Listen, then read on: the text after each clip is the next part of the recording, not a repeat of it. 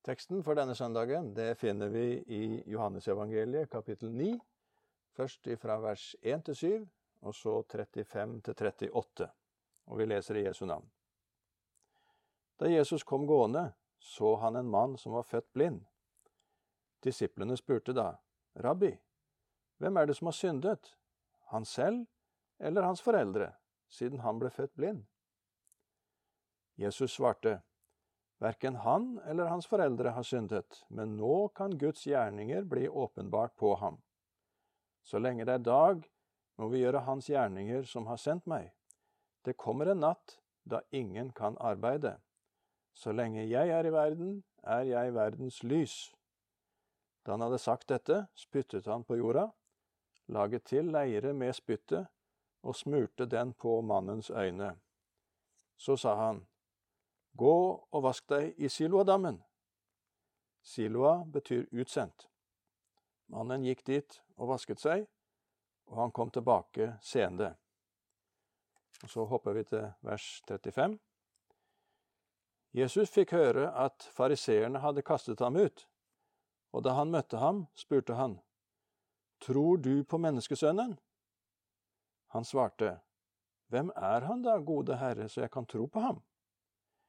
Jesus svarte, Du har sett ham? Det er han som snakker med deg. Jeg tror, Herre, sa mannen, og han tilba ham. Kjære Herre, nå har vi lest ditt ord. Vi ber om at du må åpne det for oss, slik at vi kan forstå det og ta det til oss i vårt liv.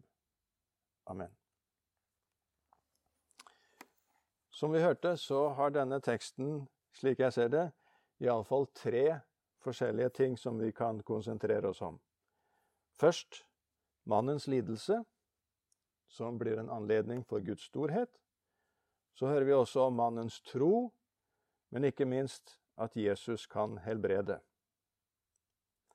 Mannen selv var visst ikke egentlig innstilt på å bli helbreda. Vi hører her at uh, han satt ved veien antagelig, Jesus kom gående, og antagelig tigga han som andre blinde. Heller ikke disiplene ser ut til å ha tenkt seg at dette skulle bli en spesiell anledning. Når de ser han, er de opptatt av hvordan en blind person kan ha fått en slik skjebne. Det er Jesus som ser han og tar initiativet til å hjelpe denne mannen. Disiplene er altså så fokusert på hva er koblingen mellom synd, sykdom og ulykke eller vanskjebne? De var ikke alene om det. Rabbinerne, de religiøse lærerne i Israel, var opptatt av det. Eh, jeg har litt bakgrunn fra Afrika. Eh, der vi bodde, så var det ikke i hele tatt tenkelig at noe vondt kunne skje uten at noen hadde forårsaka det. Og det skapte veldig stress for mange. Fordi når noen ble syke, så var det veldig ofte noen må ha gjort noe vondt, noen må ha skapt noe, fordi det er en sammenheng mellom årsak og virkning. Ut fra flere steder i Gammeltestamentet vet vi at det er en klar sammenheng mellom synd, sykdom og straff i noen tilfeller. Det kan vi lese oss til i Salme 38 og 89 f.eks. Eller vi kan tenke på eh, Israels frafall førte til at de måtte straffes på ulike måter. Det er en sammenheng. Det møter vi også i Det nye testamentet. Vi høster hva vi sår, og ofte mot bedre vitende. Hør hva Paulus sier i Galaterbrevet, kapittel 6 og vers 7. Far ikke vil, Gud lar seg ikke spotte. Det et menneske sår, skal det også høste. Den som sår i sitt eget kjøtt, høster fordervelse av kjøttet, men den som sår i ånden, høster evig liv av ånden. Det vi gjør, det vi sier, det har konsekvenser. Men så kan vi se at eh, alt er ikke sagt med det. Det er ikke alltid en veldig klar kobling. Og Jobbs bok er en, en, en, eh, et vitnesbyrd om det. Hvis du ikke har lest Jobbs bok, så kan du gjøre det ved anledning. Han ble veldig syk. Han skjønte ikke selv hvorfor, og ble veldig bitter og faktisk eh, sint på Gud på grunn av det. Og han hadde venner som på en eller annen måte prøvde å overbevise ham om at du må ha gjort en hemmelig synd, jobb, for at du skal være så syk som du er. Ulykke komme. Men så be, eh, slutter Jobbs bok med at Jobb innser han har forsøkt å trenge inn i noe han ikke har mulighet for. I kapittel 42 så sier han 'Jeg har talt uten å forstå' om det som er så underfullt at jeg ikke fatter det. Så hør på det jeg nå sier. Jeg vil spørre deg, så du kan lære meg. Før hadde jeg bare hørt rykter om deg, nå har jeg sett deg med egne øyne. Derfor kaller jeg alt tilbake og angrer i støv og aske. Jobb innså det at lidelsene, vanskelighetene i eget liv og i andres, av og til går utover det han klarer å forstå, og det må han bare avfinne seg med. Disiplenes måte å tenke på var jo veldig fornuftig, slik som det ble sagt, og de sier når han er født blind på den måten, da må han, han eh, kan jo ikke ha gjort noe for det eh, når han var helt som spedbarn. Da må det være foreldrene. Jesus avviser kort og godt hele spørsmålsstillinga, hører vi her. Lidelsens problem er altså mye større og dypere enn det som kan uttrykkes på en enkel formel.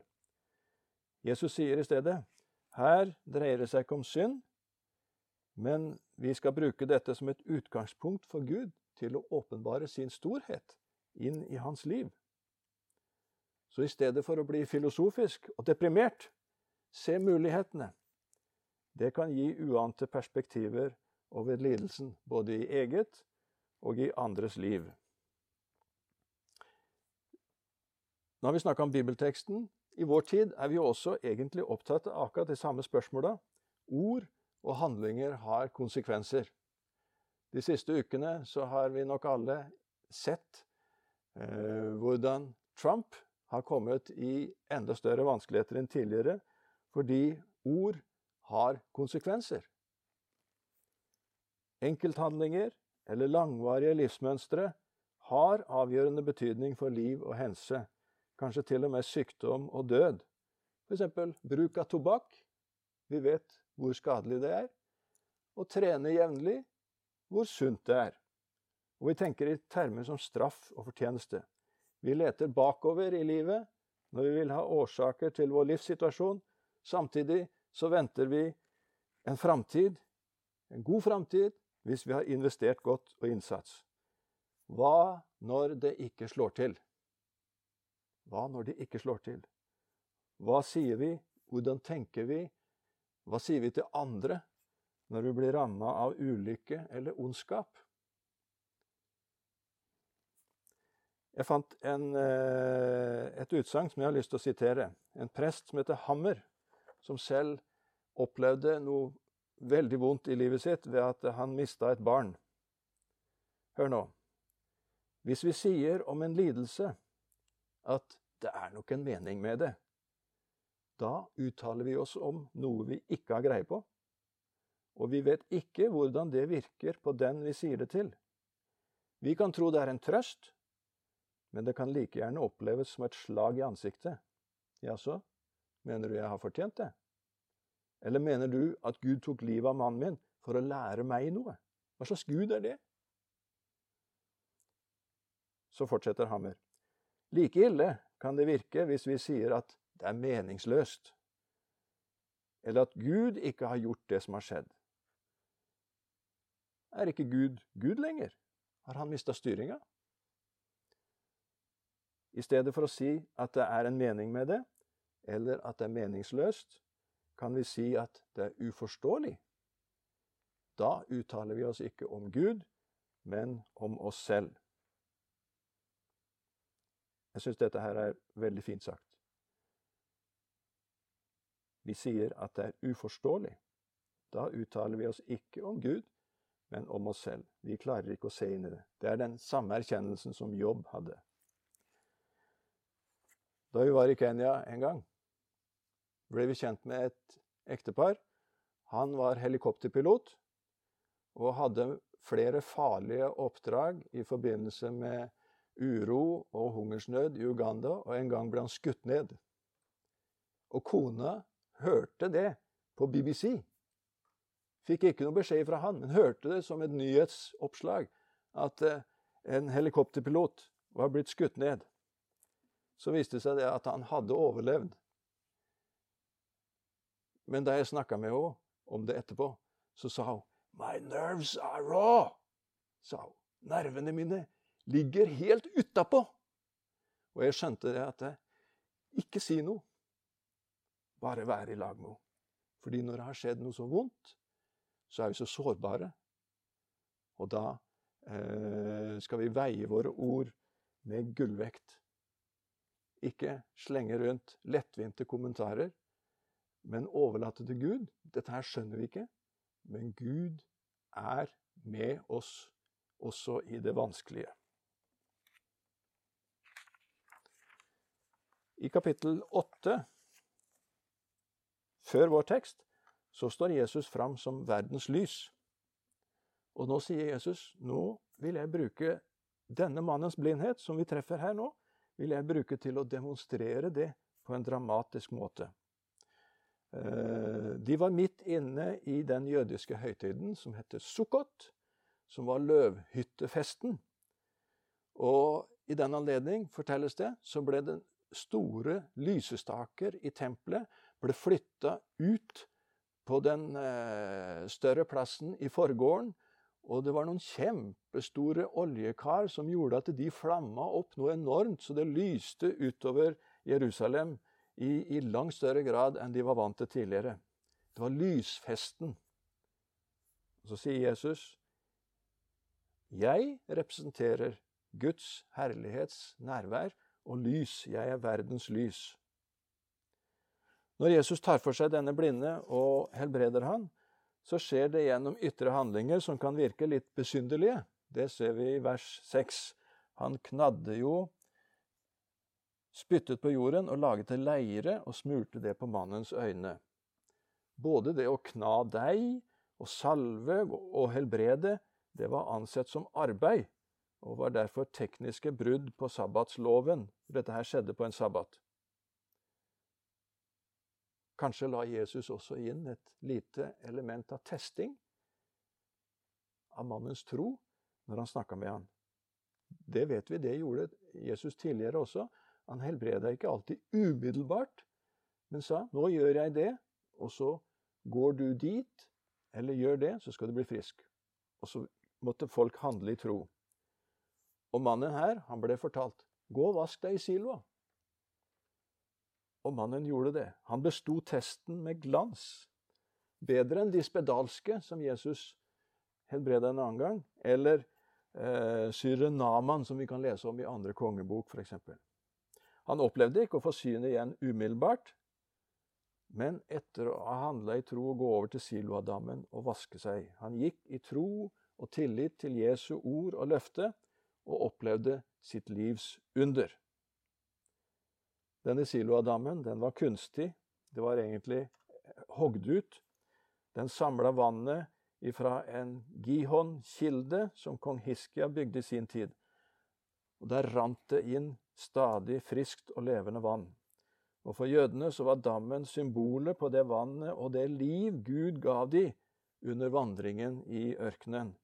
Hver dag i Sukkot, i denne løvhyttefesten, som var en feiring av denne ørkenvandringa, øste de opp vann fra siloa og bar opp til tempelet. Og så sier Jesus, 'Nå går du og vasker deg i siloa'. Han henviser han. Den blinde, han ble plassert midt inne i den eh, feiringen og symbolikken der han ser mitt liv og min helbredelse i, i, på samme måte som Guds frelsende handlinger i Israel, utført av hans salvede. Jesus ga han nytt liv. Det tredje Når vi møter han igjen, så er det litt pussig, nesten litt komisk, hvordan den blinde var ganske uforstående og uvitende om hvem som hadde kommet ham til hjelp. Vi kunne jo tro at eh, Jesus var så godt kjent, ryktet om han hadde gått hit og dit, at eh, han hadde visst noe. Men kanskje han hadde måttet holde seg hjemme i årevis. Hva vet vi? Iallfall så, så, så vet han ikke stort. Han kunne ikke gjøre stort rede for annet enn rene fakta da han ble forhørt av fariseerne. I det avsnittet som vi ikke har lest i teksten vår, så blir han jo kalt inn. Og, og, og, fariseerne er veldig villredde. Hva er det som foregår her? Og så må de bare innse her har det skjedd et under. Og han eh, blinde, han har et fantastisk vitnesbyrd. Eh, Gjerne. Eh, om han er en synder, sier han på direkte spørsmål. Om Jesus er en synder, det vet jeg ikke. Men dette vet jeg. Jeg var blind, og nå ser jeg. Det kunne han si. Og det kunne ikke fariseerne stå seg imot. Med sin karakteristiske frimodighet stiller han dem vesentlige spørsmål tilbake om deres eget forhold til Jesus. Eh, du, du, har sikkert kanskje også lagt merke til det. Eh, den som er blind, det er akkurat som eh, andre evner og sanser blir styrka når, når, når, når han har mista evnen til å se. Fordi de kan tolke, avsløre, høre, gjennomskue ting som, som andre på en måte er blitt blinde for. Selv om de på sett og vis er helt avhengig av andres føring og henvisning. Jeg underviste ei tid på gymnaset da jeg var i Kenya. Og da hadde jeg en kollega som var blind, som underviste i swahili og islam. Og engelsk. Og jeg var altså så imponert over hvordan han klarte å orientere seg, og ikke minst hans menneskekunnskap. Hans menneskekunnskap. Det var en fantastisk fin kar på mange måter. Men da Jesus altså treffer denne her igjen, så er han moden nå for en likefram bekjennelse, sånn som vi hørte det i vers 35. Jeg tror, eller vers 38, jeg tror, Herre, og han tilba.